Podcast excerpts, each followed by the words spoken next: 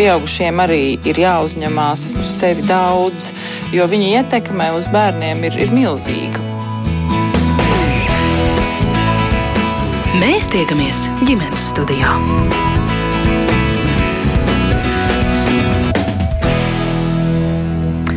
Labdien, rādījums ģimenes studijas sāk savu skanējumu. Jūsu sveicinātā producents Armīta Kolāta, mans vārds ir Agnese Linka. Pēdējās nedēļās atkal skaļi izskanējuši vairāki pusauģu piekaušanas gadījumi, vairāk galvaspilsētā šoreiz agresori bijuši atkal vienaudži. Vieni tos dēvē pat par bandu kariem, bet varbūt tuvāk patiesībai būtu apgalvot, ka tie ir novārtā pamestu nelaimīgu bērnu pārdarījumi citiem bērniem. Taču galvenais jautājums, kā šādu gadījumu skaitu mazināt, tāpat arī vecākus interesē, kā no sadursmēm ar ielu bērniem pasargāt savējos. Par to visu šodien mēģināsim tikt kādā skaidrībā raidījumā ģimenes studija un sarunas dalībnieki šodien valsts policijas prevencijas vadības nodeļas vecākā inspektora Tatjana Caune. Labdien! Labdien! Arī pusauģu resursu centra Tukuma filiāls vadītāja klīniskais un veselības psihologs Diāna Gema. Labdien! Labdien! Biedrības Open radošais centrs vadītājs Edijs Klaišis. Labdien! Labdien! Un uh, telefoniski mums ģimenes studijā pievienojas arī Valsts bērnu tiesību aizsardzības inspekcijas ģimeņu ar bērniem atbalsta departamenta direktora vietniece Gita Kalniņa. Sveicināta, Gita! Dzirdat mūsu! Labdien, dzirdu, jā. jā. Ļoti jauki. Un kā vienmēr arī jūs klausītāji esat laipni aicināti pievienoties šai sarunai, ja jums rodas kas sakāms, gaidīsim jūs komentārus, viedokļus, pieredzi vai varbūt kādus jautājumus, ja tāda rodas, rakstiet ģimenes studijai no Latvijas radio mājaslapas. Sākšu ar jautājumu, par ko jūsu skatījumā liecina atkal šie pēdējā laika skaļāk izskanējušie gadījumi. Meitenes piekaušana Grīziņa kalnā, imantas pusauģu savstarpējā mm, vardarbība vai situācija ar tādu pusauģu agresiju un tās izplatību pasliktinās protams, policijas pārstāvēji pirmajai šo mm -hmm. vaicāju, uz jums arī lūkojos. Jā, nu, nu, ir situācija tāda, ka var, vardarbība jauniešu vidū nekur nav, diemžēl, pazudusi. Un, protams, iestājoties siltajam, gaišajam laikam, mēs redzam jauniešus uz ielas, un līdz ar to arī to jauniešu un nepilngadīgo noziedzību transformējas vairāk uz ielu. Tātad tā ir vide, kur mēs to šobrīd arī redzam. Un, uh, Sakarā ar to mēs arī varam saprast un konstatējam, ka tomēr ar to brīvā laika pavadīšanu bērniem vēl joprojām ir tā, kā ir. Tas tiek pavad, pavadīts neliederīgi, bezmērķīgi, un līdz ar to arī veidojās šīs jauniešu kompānijas, teiksim, ar netik pozitīvām interesēm, kas attiecīgi novada arī pie teiksim, nu, nozieguma izdarīšanas, ja, kas saistīta ar vardarbību. Tas nozīmē, ka jūs sakāt, situācija nepasliktinās, vienkārši silts laiks, pavasaris, vasara, vairāk tas viss ir ielās. Jā, tas vairāk ir redzams. Jā, tas ir vairāk redzams, un arī, protams, jāpiemina sociālie tīkli, ja, kur eh, šie video tā tad eh, tiek ievietoti eh, kas ir tāds, ko šobrīd mēs izjūtam vairāk, mēs redzam to sabiedrības negatīvo attieksmi pret šādu veidu nodarījumiem, kur cieši bērni, ja, un arī no vienaudžu puses. Un mēs to izjūtam tā, ka sabiedrība nepaliek vienaldzīga, un viņi ziņo mums vairāk. Viņi ziņo par e, to, ka viņi cieši bērni cieši no nodarījumiem, vardarbīgiem, vai viņi ir kļuvuši par acu lieciniekiem, jā, vai, uh, un, un tas ir tas, kas mūsuprāt ir tas uh, pozitīvais šajā kontekstā, jo uh, sabiedrība tas tā kā atmodina, liek sarosīties, teiksim, varbūt nepalikt vienaldzīgiem, jā, tas ir tas, uz ko arī policija vienmēr ir aicinājusi. Un šie skaļie gadījumi, kas gūst tādu augstu rezonanci, vienmēr izraisa teiksim, tādu pozitīvu faktoru par to, ka cilvēki neklusē, ka cilvēki ziņo un cilvēki iesaistās, rādot tātad savu attieksmi par to, ka tas nav pieņemams. Tāda, nu. Mhm. Vēl policijai jautājums par tādiem vērojumiem vai statistiku. Tā ir tāda galvaspilsētas, Rīgas specifika vai arī no citām Latvijas uh, vietām nāk šādi gadījumi un ziņas par tiem? Tā nav tikai Rīgas problemātika, to, ka jauniešu vidū izraisās konflikti, kas bieži vien eskalējas un beidzas ar vardarbību. Ja, tas notiek visā Latvijā. Diemžēl ir arī tādi gadījumi, kur tas notiek pazīstamu bērnu starpā, ja, kur tiek, ja mēs runājam tieši par meitenēm, tas bieži vien saistās ar baumām. Tā pašā brīdī arī mm, arī zīmīgi norādīt varbūt ar uzvedību, teiksim, sociālajos tīklos. Bieži vien arī tas ir iemesls konfliktu, nu, konfliktiem meiteņu starpā, kas arī eskalējās un arī notiek vārdarbība. Mm -hmm, tā tad ne tikai galvaspilsētā. Diana, jums gribu vaicāt, ar kādām pārdomām, secinājumiem jūs vērojat, uzklausāt ziņas par šiem notikumiem? Um. Jā, nu, situācija ir skumīga, un jāsaka, ka mēs arī savā centrā sastopamies ar jauniešiem, kas ir gan, gan upuri, gan arī pāri darītāji. Un, man gribētos laikam piekrist tam, kas izskanēja raidījuma sākumā, ka nu, mēs uz to skatāmies, vai, vai es uz to skatos, ka tiešām lielākoties tie ir bērni, kam pašiem ir dažādas psihoemocionālas grūtības um, vai kaut kādi apstākļi, kāpēc viņi ir iesaistījušies šajās grupās. Um, nereti mēs redzam, ka grupās iesaistās divu iemeslu dēļ. Viens no tiem iemesliem ir tāpēc, ka viņi meklē piederību, jo citās vietās viņi šo piederību atrast nevar. Un otrs no iemesliem, kas arī nu, pasaules literatūrā izskan, kāpēc jaunieši šādās grupās iesaistās, ir tāpēc, ka viņi baidās, vai viņiem tiek draudēts, vai arī viņi baidās pateikt nē, jo baidās būt pašu upuru lomā. Nu, kā, tur ir ļoti dažādi, kāpēc tā ir, bet nereti pats varmāka arī dzen ir upuris. Mm, jā. Edija, arī jums gribu dot vārdu un vaicāt, kā, ar kādu skatu jūs šo visu vērojat. Jūs ikdienā daudz darbojaties ar problēmu jauniešiem un atbalstāt viņus un mēģināt palīdzēt. Jā, atkal šādas ziņas, ka kāds kaut kur ir pašu pusauģu jauniešu nezēlīgi piekauts, vienaudzis. Ko jūs par to domājat? Es sākšu, ar, es sākšu to, ka es, mēs nestrādājam ar problēmu bērniem, mēs strādājam ar grūtībās nonākušiem jauniešiem. Uh, un, Nu, būsim reāli. Pilnīgi vienmēr ir bijuši, bijušas bandas, grupējumi un tā tālāk. Visvairāk man šī visā, es pateikšu, kas man pārsteidz. Mani pārsteidz uh, politiķa rīcība. Pēc jebkura gadījuma, kas izskan publiski, tiek veidotas darba grupas. Uh, nu ir lemšanas, nu ir darīšanas, nu ir valsts zina, kas. Man ir tāds nu, vienkārši jautājums viņiem. Vai šie jaunieši uh, nokrita no citas planētas? Tādā brīdī, tad, kad uh, viņš šīs lietas dara, nu, nē, tie jaunieši ir visu laiku bijuši. Kur jūs visu laiku bijāt ar savām darba grupām? Ar savām, nezinu, ar savām gudrajām idejām un tā tālāk. Ja? Jo šobrīd realitāte ir tā, ka, nu, paskatieties pēc imantas, ja? nu, mēs spriedīsim to, nu, mēs darīsim to, bet kāpēc jūs visu laiku to nedarījāt? Tas, ko mēs redzam, imanta, jebkura šāda, šāda grupējuma, tās, nu, tās ir sekas. Un es to ļoti vienkārši saku, tās ir sekas vienaldzībai. Uh, tad, tad uh, būsim reāli, tur lielākajai daļai vecāku, šo jauniešu vecāku ir pie vienas vietas, kas ar viņu bērniem notiek. Tad, tad kā jau minēju, ja, viņi meklē šo piedarību. Un es to esmu vairāk kārtīgi teicis. Ir tikai divi varianti, kurš meklējot šo piedarību, pieslēgsies. Es izteikšos, protams, galējībās, vai nu tas būs zīmēšanas pulciņš, vai tas būs noziedzīgs grupējums. Bet kaut kur viņš pieslēgsies. Un pamanīt to, ka viņu vēl var aizvilkt uz zīmēšanas pulciņu, tas ir apkārtējo cilvēku ziņā. Un, diemžēl, lai kā tas visiem nepatiktu, es nesaprotu, kāpēc, pieņemsim, tad, kad ir šādi gadījumi, kāpēc visi spārda policistus? Par ko? Policisti kā sanitāri cīnās ar sekām.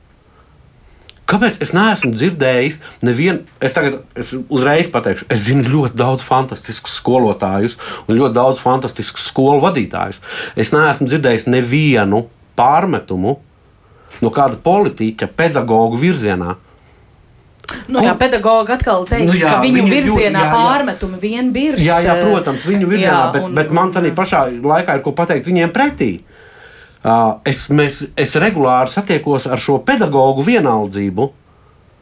Tieši ar pedagoģu vienaldzību. Uh -huh. uh, politiķu mums šeit studijā nav, kuriem uzdot uh, Edija retoriskos jautājumus. Tas būs tomēr vairāk raidījumā krustpunktā iespējams, bet uh, jā, jūs minējāt grūtībās nonākušie jaunieši. Teiksim, tad, kad jūs izdzirdat, es nezinu, tur grīziņkalnu gadījums, jums ir priekšstats, kas, kas tie ir par bērniem, kas nodara šīs, šos, šīs pārestības saviem vienaudžiem? Vai tie ir arī grūtībās nonākuši jaunieši? Kāpēc nu, būsim jau reāli, es domāju, ka nu, es esmu diletants visās lietās, jā, bet nu, būsim jā, jā, reāli. Jums ir pieredze tur ar viena daļa, viena jā. daļa jau, jā, ok, viena daļa šī, šiem grupējumiem tur pieslēdzās, tāpēc meklējot šo piedarību un tā tālāk. Bet vienai daļai, nu, nu būsim reāli, nedzīvosim ilūzijās. Jā. Nu, viņš ar tādu domu dzīvo vispār. Jā, nu, Ar domu? Un, nu, tad, tad, nu, viņi ir vardarbīgi. Nu, nu, tas, tas tā ir. Nu, ir tā. Uh, ir, diemžēl ir. Nu, pamēģiniet aizbraukt, parunāt ar origo puišiem.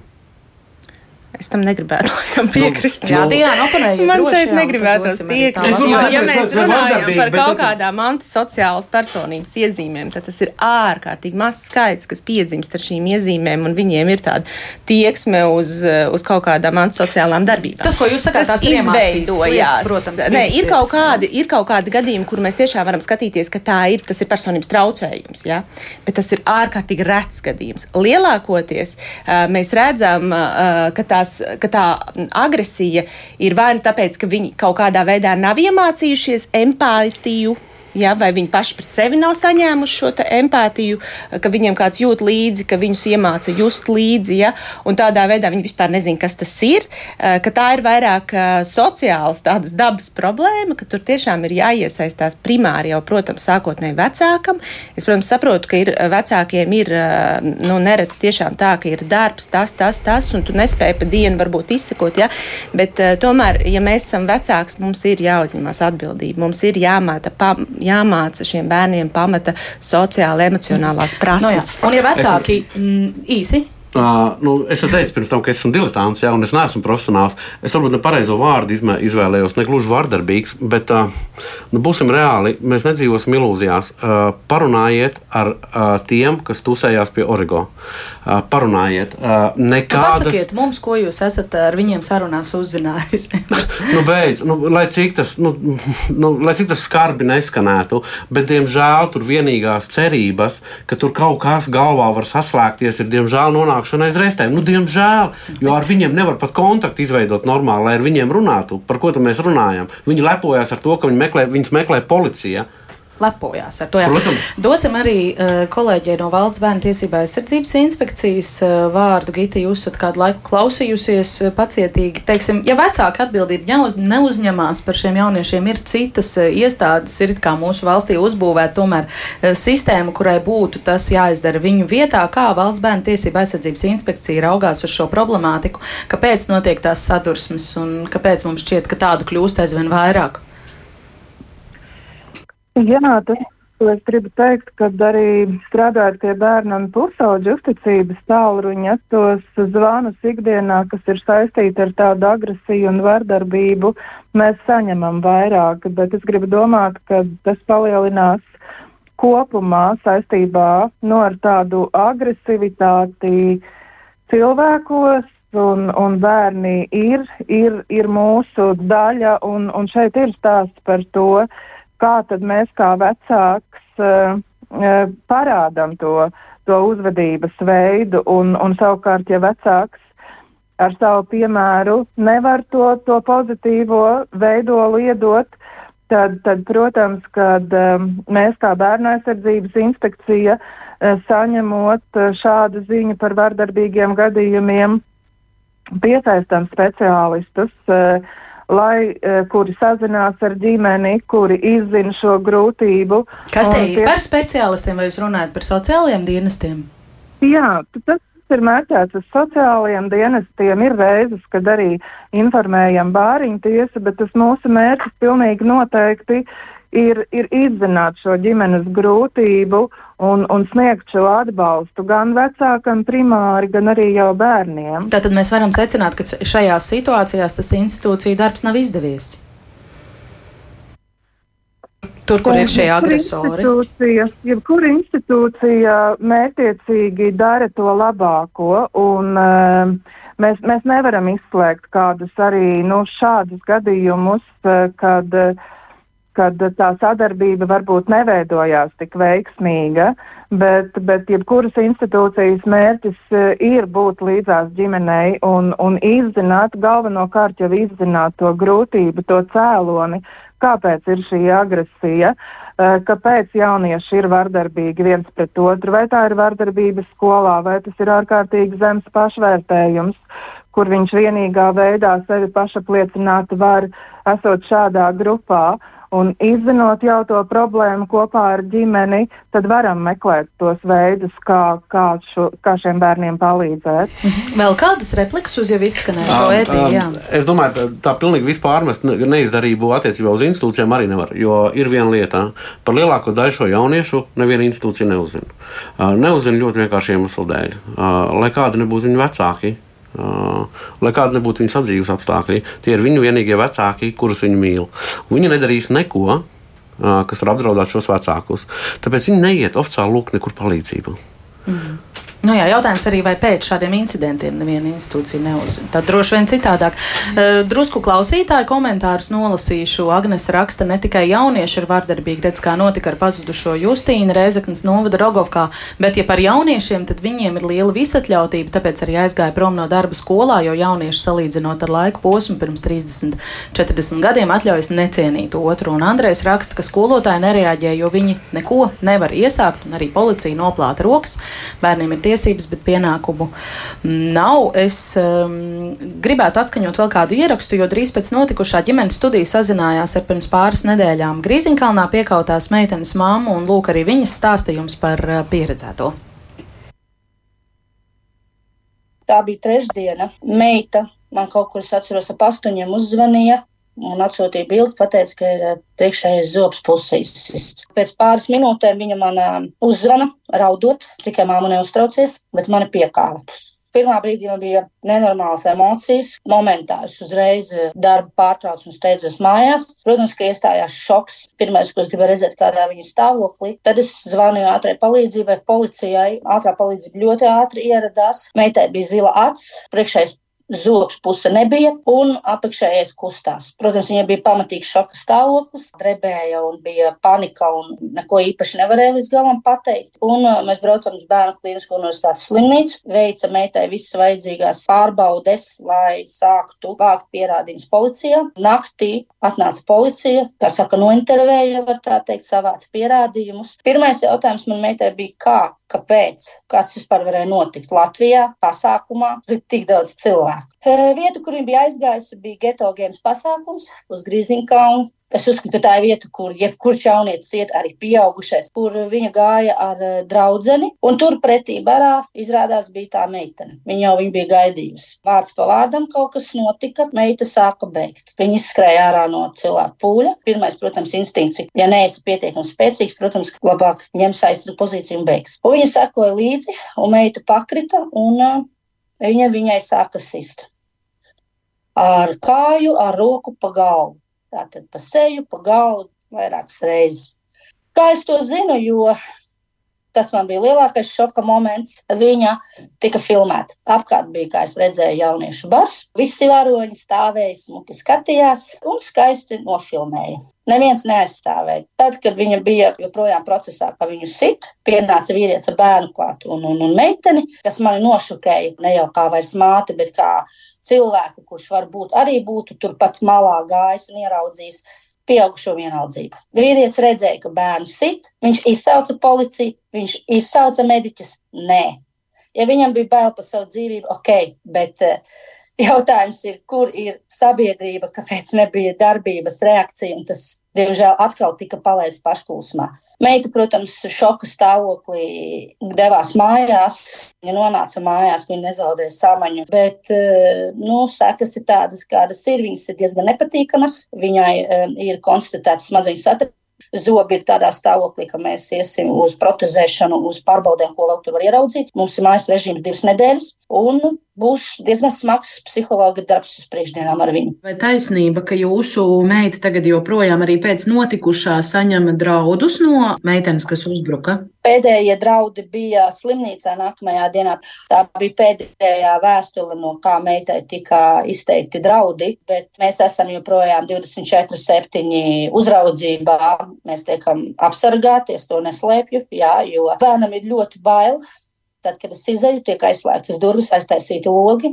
Un es jautāju, kāpēc. Viņa saka, jo viņa spēja arī ieraksties pa balkonu, ja vajadzēs. Diemžēl bērnam ir psiholoģiska trauma ļoti smaga. Es tiešām nevarēju iedomāties. Tāpēc, eh, ja mani visi dzird, es gribu runāt visu bērnu un vecāku vārdā. Jautājums man ir, kāpēc, kādēļ, vai tas tālāk turpināsies ar pārējiem, jo tās nav beigas. Godīgi sakot, es nekad neesmu iedomājies, ka Grieziņkalna pasākums geto games, kāpēc tik lielu uzsvaru liek uz geto games, jo tā nav pirmā reize, kad viņas tur dodas. Es saprotu, ka šajā gadā diezgan bieži tur notiek pasākumi, un Man ir prieks, ka tīņi nevis eh, burzās pa Origo vai pa imantas apkaimēm, ja, bet viņai ir interese iet uz geto games, pavadīt laiku ar jā, nepazīstamiem cilvēkiem, bet tā viņa mācās kā tīnas komunikāciju, veidot, eh, veidot draudzību, atrast kopīgu. Man interesē basketbols, tev arī pasties, cik forši cilvēki spēlē.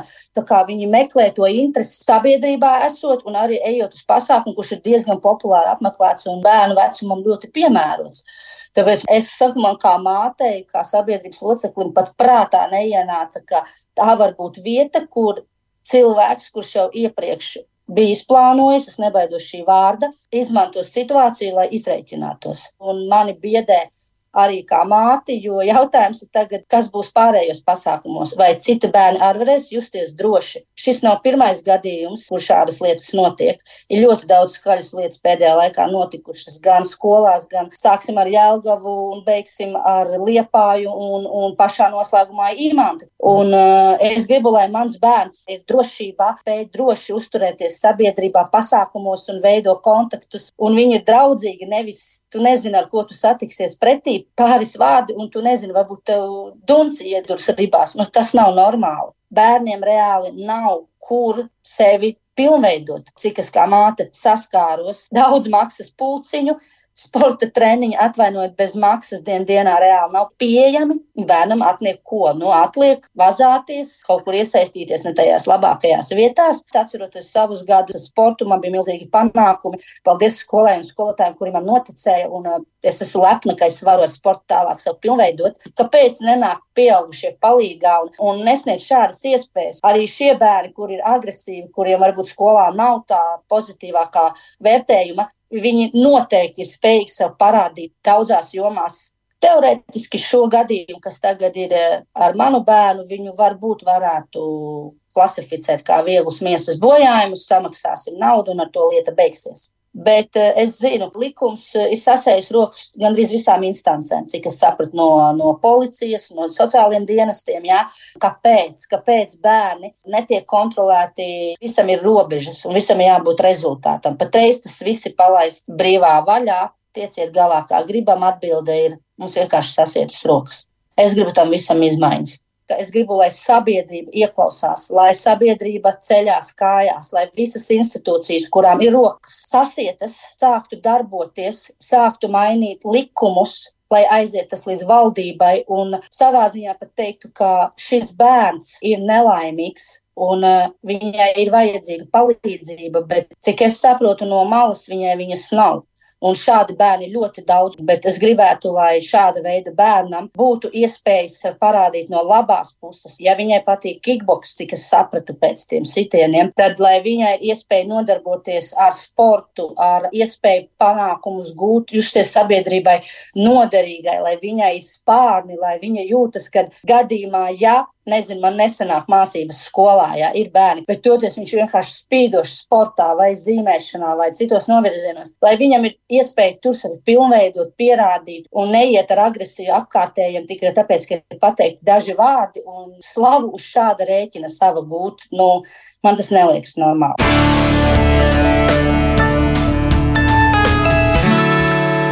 Tālāk Grīziņkalnā pirms pāris nedēļām piekautās meitenes mamma. Es atgādināšu, ka ģimenes studijā mēs šodien runājam par pēdējā laikā skaļi izskanējušiem pusauģu agresijas un savstarpējās vardarbības gadījumiem. Man viesi ģimenes studijā šodien ir valsts eh, policijas pārstāve Tatjana Cauna no pusauģu resursu centra Diāna Gema. Mm, valsts bērnu tiesība aizsardzības inspekcija pārstāv Gita Kalniņu un no biedrības Open radošais centrs vadītājs Edijs Klaišis. Kā jūs eh, piekrītat, nepiekrītat tam, ko māma teica, un vairākas reizes atkārtoja un uzsvēra, institūcijām ir sasietas rokas attiecībā uz agresīviem pusauģiem un jauniešiem? Tatjana. Nu, varbūt, protams, lielai daļai var piekrist mammas sašutumam par to notikušo, tiešām tie, tas gadījums ir viens no kliedzošajiem atkal, kas izsauc šo rezonanci un parāda cik, tomēr, cik jaunieši var būt eh, nežēlīgi un agresīvi. Um, Vai policijai ir sasietas rokas attiecībā uz šādiem nepilngadīgajiem? Policijai ir jāizmeklē šo, šis notikums. Policijai jāuzsāk krimināla process vai administratīvās uh, pr process, jā, un jāveic izmeklēšana un jānostiprina pierādījumi. Attiecīgi uz šo sadaļu. Par tām un, sasietajām rokām piekrītat vai nē? Man tomēr gribētos teikt, ka tomēr ir lietas, ko mēs varam darīt un ko mēs arī darām. Mēs viennozīmīgi par šiem bērniem paziņojam pašvaldībai, kurai saskaņā ar bērnu tiesību aizsardzības likumu ir jāveic tātad korekcija šim bērnam. Ir jāizstrādā speciāla programma, attiecīgi tieši kas ir vērsta uz viņu vajadzību teiksim, apmierināšanu. Tātad pašvaldības kompetence ir identificēt teiksim, šīs vajadzības iespējamās, ja apsakot dzīves vietu, skatīties, tātad, kas tad ir cēlonis iespējams šai vardarbībai. Un attiecīgi izstrādāt šo mhm. programmu un strādāt, lai, teiksim, novērstu turpmāko. Ja? Bet attiecībā par notikušu nodarījumu, manuprāt, ir arī ļoti svarīgi tas, ka bērnam ir jāsaprot, eh, vienalga, cik viņam ir gadi, jo eh, par to, ka par viņa rīcību, tad viņam par savu rīcību ir tā tad arī jāatbild. Eh, nu, nevar būt tā, ka jaunietis var darīt jebko, un viņam nekādas sekas par nodarījumu neiestājas. Mums arī klausītāji raksta, viņi zina, ka viņiem nekas nebūs, kā nu, arī tā īsti. Pirms brīža teica, lepojas ar to, ka viņus meklē. Tā policija. īsti, jā, protams, šī tā augsta riska kategorija, kas varētu to uztvert kā uzmanību, jā, vismaz kaut vai mani meklē policija, bet es šo šo savu uzmanību dabonu. Bet, jeb, jā, un bet jebkurā gadījumā tas nenozīmē to, ka viņam likuma priekšā nav jāatbild. Un... Bet kādu sodu saņem šāds nepilngadīgais? Piedodiet, ka es pārtraucu, vienkārši jautājumu tik daudz un, un laika tik maz. Kādu sodu saņem nepilngadīgais, kas ir šādi piekāvis, teiksim, nodarījis vidējas miesas bojājums? Jā, tas citam. ir atkarīgs no smaguma pakāpes. Tātad viennozīmīgi tas eh, tur eh, krimināla likums nosaka visus šos sodus vai no administratīvās atbildi, eh, vai, nu, teiksim, nozares likums, teiksim, katrs pasaka, kāds tas sods ir paredzēts par noteiktu miesas bojājumu nodarīšanu, vai tas ir huligāns, tās ir kvalificējušās pazīmes, kas tomēr jākonstatē izmeklēšanas laikā. Un attiecīgā arī no tā, tad, tad sots, sodu, sodu piemēro mums tiesa vai no atkal materiāli. Bet līdz nu, 14 gadu vecumam taču nepiemēro neko. Bet materiāls un notikums tiek izmeklēts, pierādījumi tiek nostiprināti, un materiāli no 11 gadu vecuma tiek nosūtīti tiesai audzinošu raksturu piespiedu līdzekļu piemērošanai. Tā kā tas nekādā ziņā nevar teikt, ka tas paliek nekur un nekas. Tā saruna ar māmu arī bija garāka, un viņi tur arī. Uh, detalizēti skaidroja, nu, ka, protams, naukšana mums ir cietlabošanas iestāžu vairs nav. Mm -hmm. Tad kas tad ir tie audzinošie pasākumi pēc tam? Tikai tās korektīvās darbības? Jā, pr protams, bet ir arī sabiedriskais darbs un arī tā pati atvainošanās ir ielikt, kas, manuprāt, arī īstenībā jauniešiem ir dažreiz no viņiem dabūt to atvainošanos ir kā tāds liels sots. Mm -hmm. Labi, iesim tālāk, Diana, ar kādām pārdomām uzklausījāt mammas teikto, ko no tā akcentētu? Mm -hmm. Visu cieņu mammai, ka mamma pēc šāda notikuma spēja arī izrādīt kaut kādu sapratni par šo varmāku, nu, vēršot uzmanību uz to, ka viņam nav pietiekami daudz acīm redzot ārpus skolu interešu. Ja? Mm -hmm. Un es tiešām šim gribētu piekrist. Tas ir tas, ko mēs sastopamies arī savā centrā, ka labi vēl tukumā uz vietas dzīvojošie saņem šo pakalpojumu, bet visi, kas dzīvo ārpus tukuma, viņiem nav nedz iespēja atbraukt, nedz iespēja saņemt kaut kādas uh, nodarbības. Ja? Tātad pieejamāka interešu izglītība būtu risinājums. Vien viennozīmīgi. Jā, mums ir jārada vide, kurā viņi var realizēties. Un šeit es neatceros, kurš no kolēģiem šo minēja, bet tiešām ir jābūt uh, ja vienai, vismaz vienai lietai, labai lietai, kurā viņš ir labs. Mēs neredz sastopamies, ka šie jaunieši pie mums atnāk un viņi saka, ai, skolā esmu slikts, visi saka, es tur nekam nederīgs, mājās es nekam nederīgs, tur nekam nederīgs. Viņš ir jāievirza kaut kur, kur viņš redz, ka viņš ir noderīgs. Kā jūs redzat, kas varētu būt tas edijs pirms tam meta akmeņu, akmeni pedagoģu dārziņā, ka tie nepamana, kurš, kurš varētu viņu ievirzīt un, un, un ieraudzīt, kurā vietā, kurā vidē viņš var būt labs. Kā uzdevums tas būtu? Ja Sad... vecāki to neizdara, mm -hmm. skolotāji neizdara, nu, garām gājējs arī neizdara. Tā ir tiešām ļoti nopietna sadarbība ar vecāku un skolotāju. Nu, ja izkrīt nu, viens posms, tad ir skolotājs. Tur, piemēram, tad ir nākošais ir skolotājs, jo tā ir vide, kur viņš uzturās visvairāk. Arī ja nav izkrīt, skolotājs, ja, tad ir cits kāds pieaugušais, vai tas ir, nezinu, krustāvs, krusmāte, onkuls, tante, eh, kas var radīt šo piemēru. Ne pašvaldība. Nē, Nē mēs redzam, sociālais dienas, diemžēl, mēs redzam tā tāda, man jaunieši nāk un saka, nu, ka viņi iet atskaitīties uz turieni. Ja?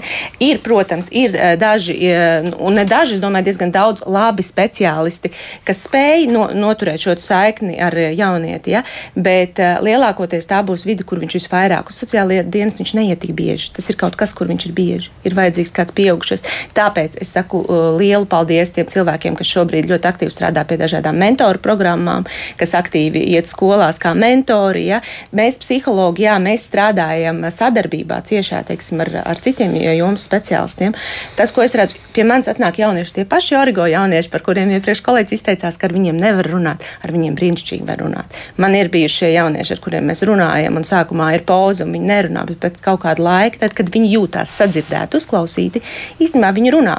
Viņi sāk stāstīt. Mēs piesaistām mentoru, mēs meklējam viņam ārpus skolas aktivitātes, jo mēs nevaram viņu izraut no tās vidas, jo tā vide viņam ir ģimene. Tas būtu tas pats, kas viņam vienkārši pateikt, ej prom no ģimenes, tur, kur viņš dabū visu to, ko viņš nedabū citur. Mm. Līdz ar to tā.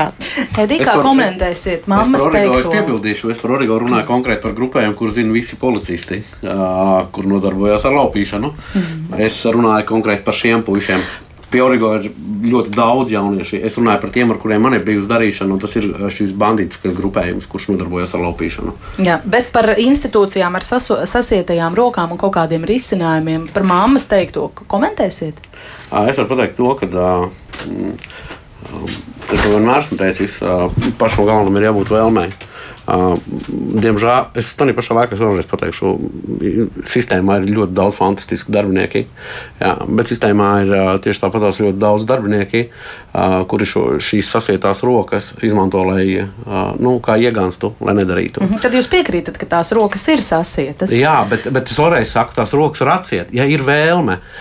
Un tas ir tas stāsts par to, ka ja es, es, es neminēšu šobrīd detaļās, es vairākām pašvaldībām uzrakstīju vēstuli un vakar no pirmās saņēma atbildi par to, vai viņu pašvaldībās ir iespēja anonīmi jauniešiem saņemt palīdzību.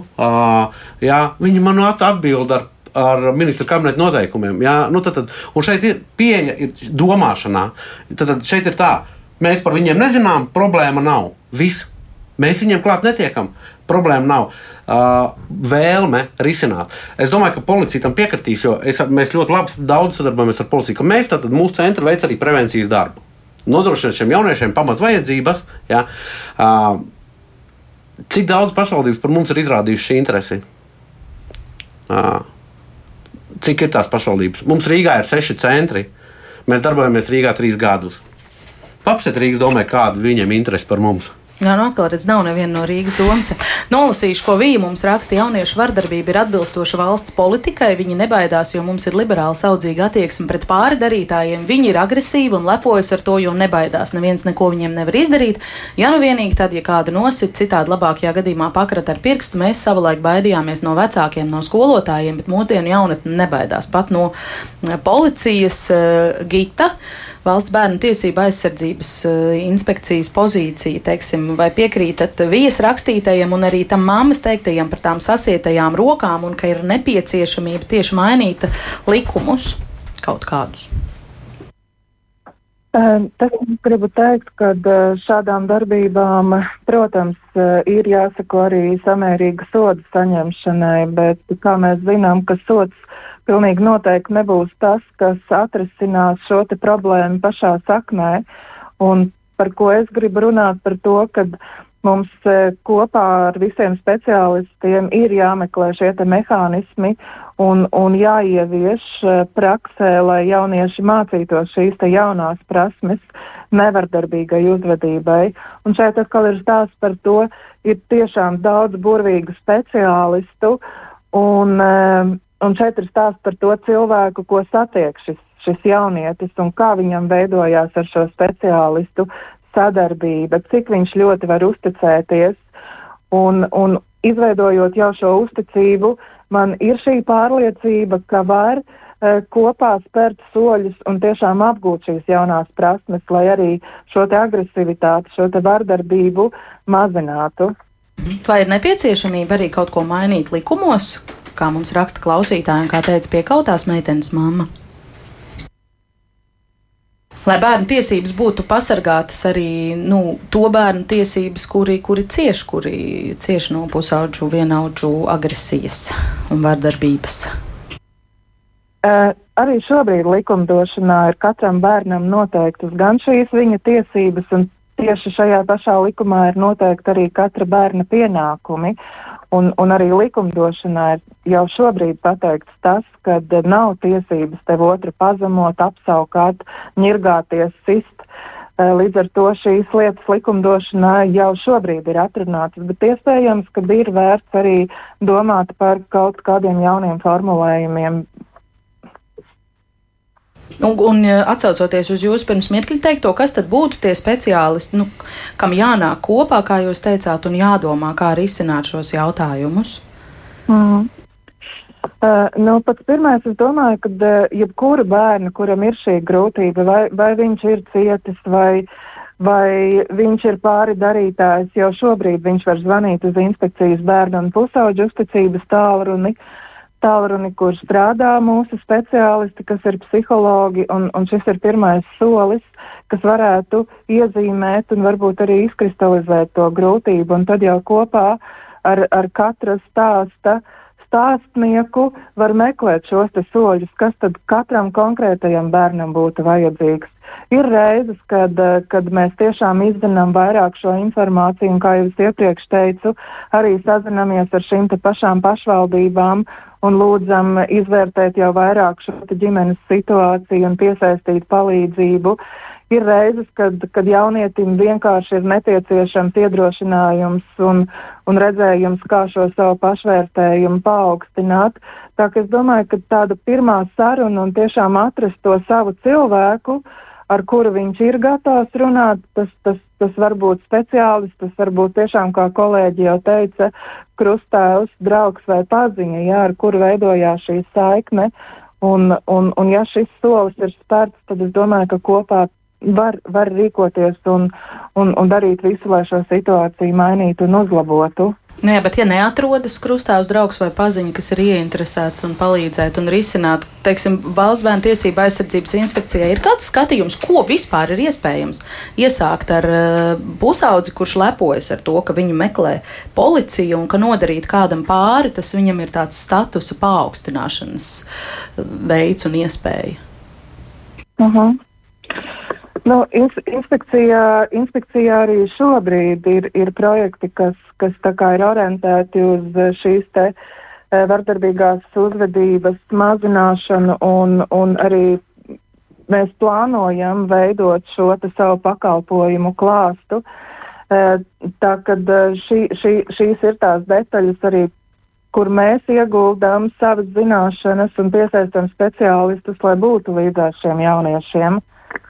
Jā, nolasīšu šobrīd ievas rakstīto. Viņa gan ne par pusauģiem, bet par jaunāku vecumu grupu. Tomēr iespējams, ka ļoti ilustratīvs uh, viņas teiktais. Viņa raksta, ka strādā pirmsskolā, ikdienas darbā redzu bērnus, uh, kuriem, kuru vecākiem būtu nepieciešams papildus atbalsts. Ir tāda lieliska programma Stop 47, kas varētu kaut ko mainīt, taču tā nav pieejama. Kā pieteikties, kā tā noris Rīgā? Es zvanīju uz vairākām institūcijām, kur mani futbolē tik ilgi līdz kārtējais numurs, uz kuru jāzvanīt jāzvana neceļ vai met nost klausulu un neatzvana. Kur tad tiem vecākiem brīdī, kad bērnu varētu un vajadzētu ielikt pozitīvas uzvedības sliedēs, ir atbalsts pārgurušais pedagogs, kurš nereti paliek viens ar 24 pirmsskolas bērniem 12 stundas dienā?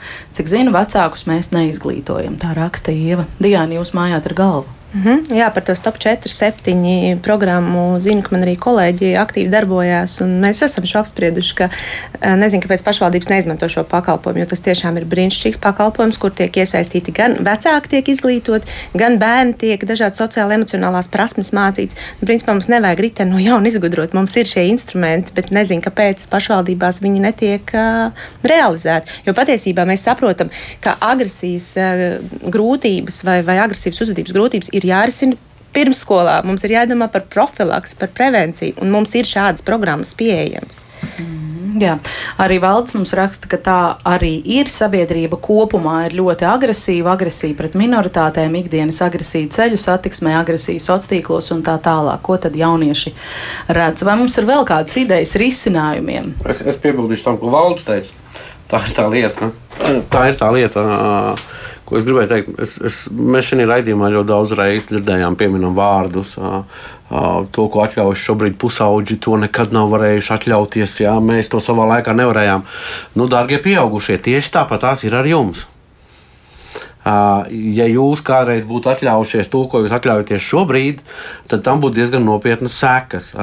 Izteikumos, visatļautību un tā tālāk. Un, nu, mēs jau esam ļoti labi piemēra rādītāji. Ja?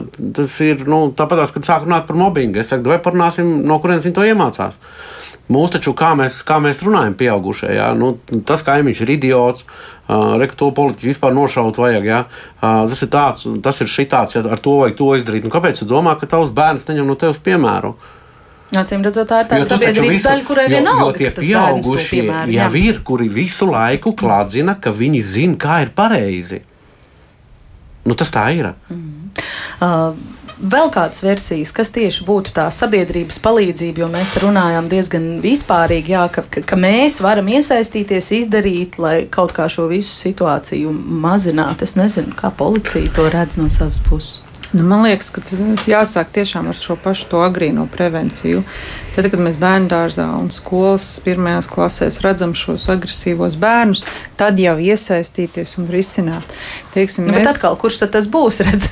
Jā, tam ir jābūt. Pedagogs vai? Tas, e, nu, jebkurā gadījumā, manuprāt, e, tas jau arī ir pēc tam parādās e, vēlāk, vai tas pedagogs ir iesaistījies vai nē, teiksim, kad, kad tu sāc risināt teiksim, nu, no vienas puses, man liekas, nav pieļaujama situācija ignorēt šos gadījumus, ja tas pats attiecās arī uz mobbingu skolā, kur uh, tas notiek, bet uh, nu, pieaugušais negrib redzēt vai neredz.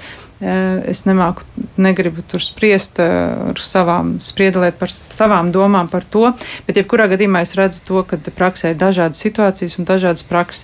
Uz vienu bērnu mēs reaģējam, uz citu bērnu nereaģējam. Arī tādas prakses, diemžēl, ir. Ja? Tad, kad mēs redzam, tas ir vecāks, tur neko neteiks, neko neiebildīs, mēs tur viņu audzinam un ņemamies. Tur vecāks, piemēram, ir labi situēts vai ar ietekmīgu amatu, nu tur mēs to bērnu neaiztiekam un sakām, ka mums ir sasiet atvērtas rokas.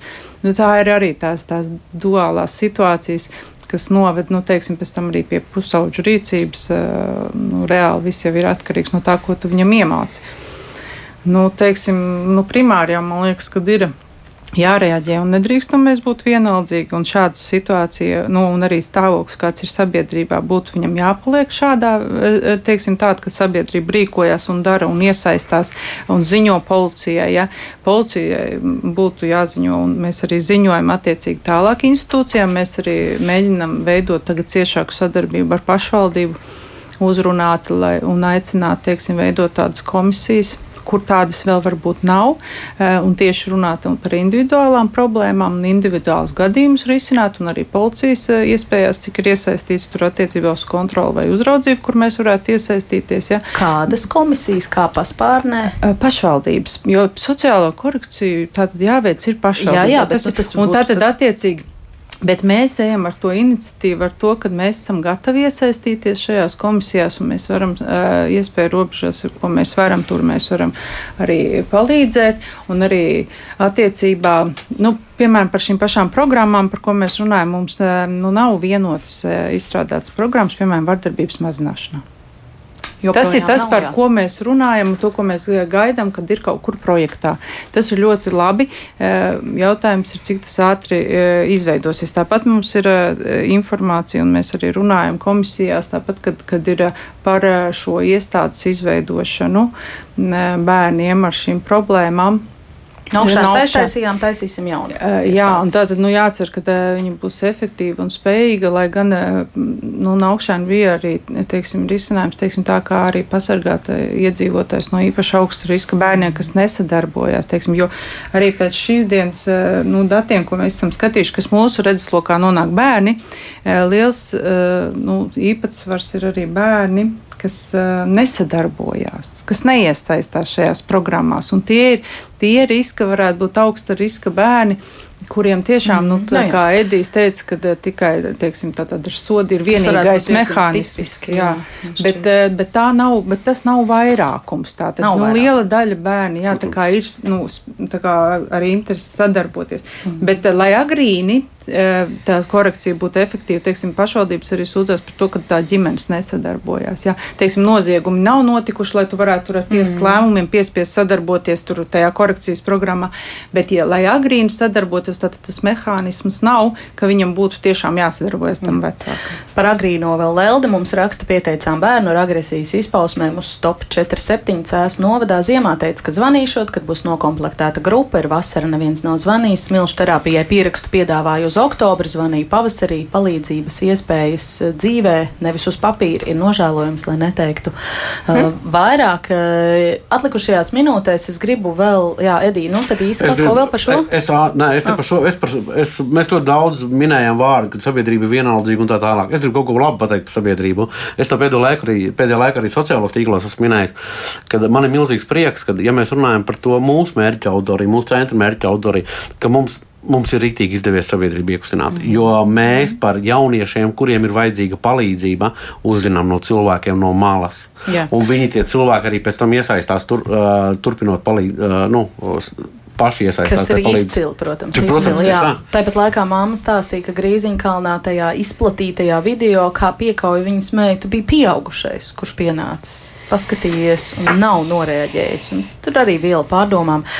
Ja mēs vēl varam pievērsties eh, pāris ieteikumiem, varbūt tiem vecākiem, kas visu šo klausās, un vienīgais, ko viņi izjūt, un tās pirmās emocijas tiešām ir bailes ar Dievs, kā pasargāt savu bērnu, ko tad viņam iemācīt, kādus padomus dot, kur laist, kur nelaist, lai nenonāktu šādās situācijās, vai vietai ir nozīme, vai nelaist uz Grīziņkalnu, vai, ne, vai, vai uz Origonu nevariet iepirkties, vai, vai uz Imantu nedrīkst braukt, vai, nu, kā no. māma ierakstā teica, nevar taču to pusaudzi arī nelaist nekur, tu nevar viņu ietīt spilvenos, nolikt mājās stūri, iepolsterēt un teikt, tagad tu būsi drošībā.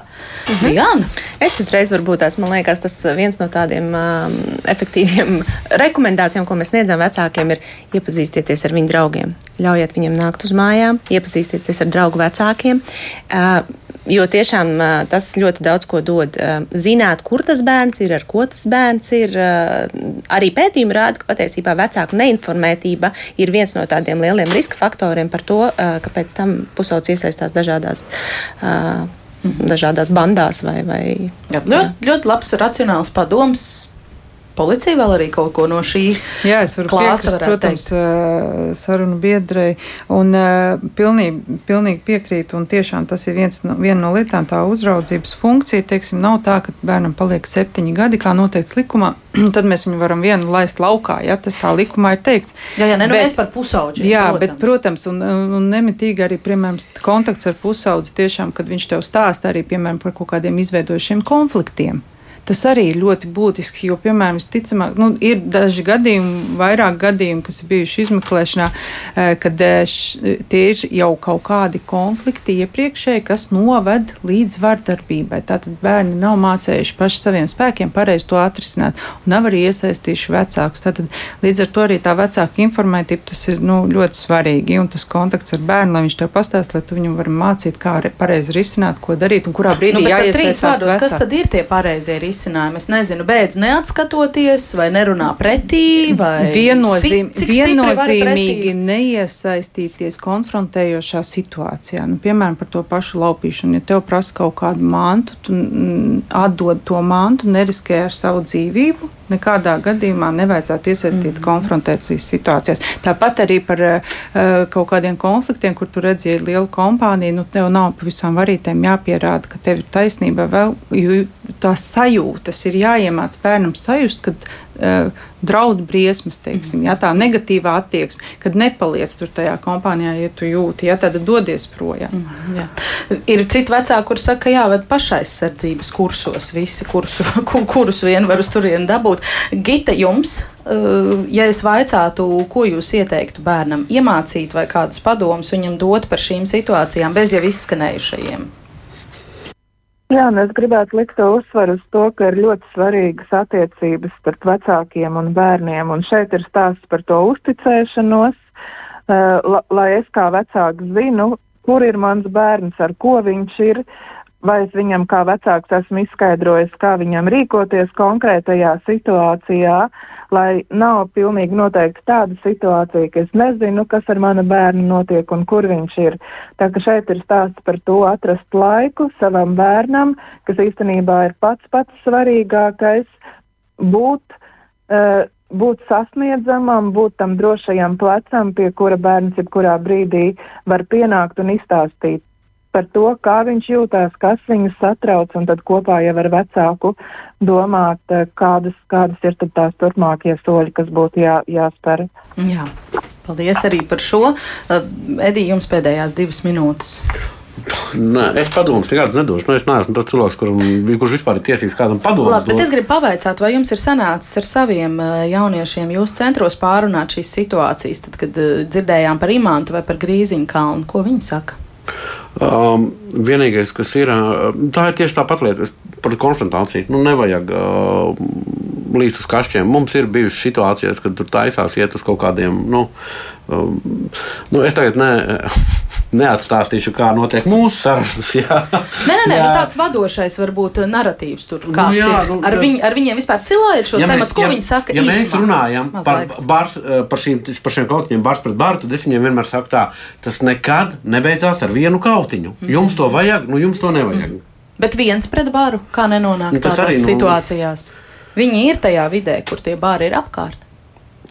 Nu, mēs, nu, nav, nav universālu padomu. Nu, nav. Un Bet, nav arī vienādu situāciju. Nav divu vienādu situāciju. Nu, varbūt, varbūt man šķiet, tas svarīgi ir nebūt tam vienam pret baru. Nu, teiksim, ja Jā, pastāv. Bet, brīdī tur var nonākt? Bet, nu, principā jau ejot uz kaut kādiem pasākumiem, kur ir liels cilvēku skaits, jaunieši, tev taču jau jāsaprot, ir, nu, tu, ka var izvērsties kaut kādas eh, konflikta situācijas. Līdz ar to vienam noteikti nevajadzētu iet uz šādu situāciju. Mm. Noteikti vecākam jāzina, ka tu ej uz tādu vietu. Ja? Tātad, tas ir tas pats attiecās uz pilsētas svētkiem vai kuriem citiem publiskiem pasākumiem. Tātad, nu, principā arī vecākam es ieteiktu pārliecināties par to vietu, vai tur nepastāv riski. Tā nu, pati alkohola lietošana un tā tālāk. Ja tas tur notiek, tad tas ir bīstami. Diemžēl laiks mums ir beidzies daudz punktu vietā. Grīziņkalna apkaimes biedrība aicinājusi Rīgas domu nekavējoties risināt drošības situāciju Grīziņkalna parkā un teritorijā ap geto gaimas, jo viņi nevēlas, lai apkaimes lepnums pārvērstos par slēpju nepareibrošu vielu lietošanai. Ar to arī šodien noslēgsim sarunu, kādreiz to turpināsim. Paldies Tatjanai Caunē no valsts policijas, Diānai Gamē no pusauģa resursu centra, Edijam Klaišim no Open radošā centru Gitē Kalniņai no valsts bērnu tiesība aizsardzības inspekcijas. Raidījumu šodien veidojas Armīta Kolāta, Agnes Linka un Kristaps Ruņģis uz sadzirdēšanos.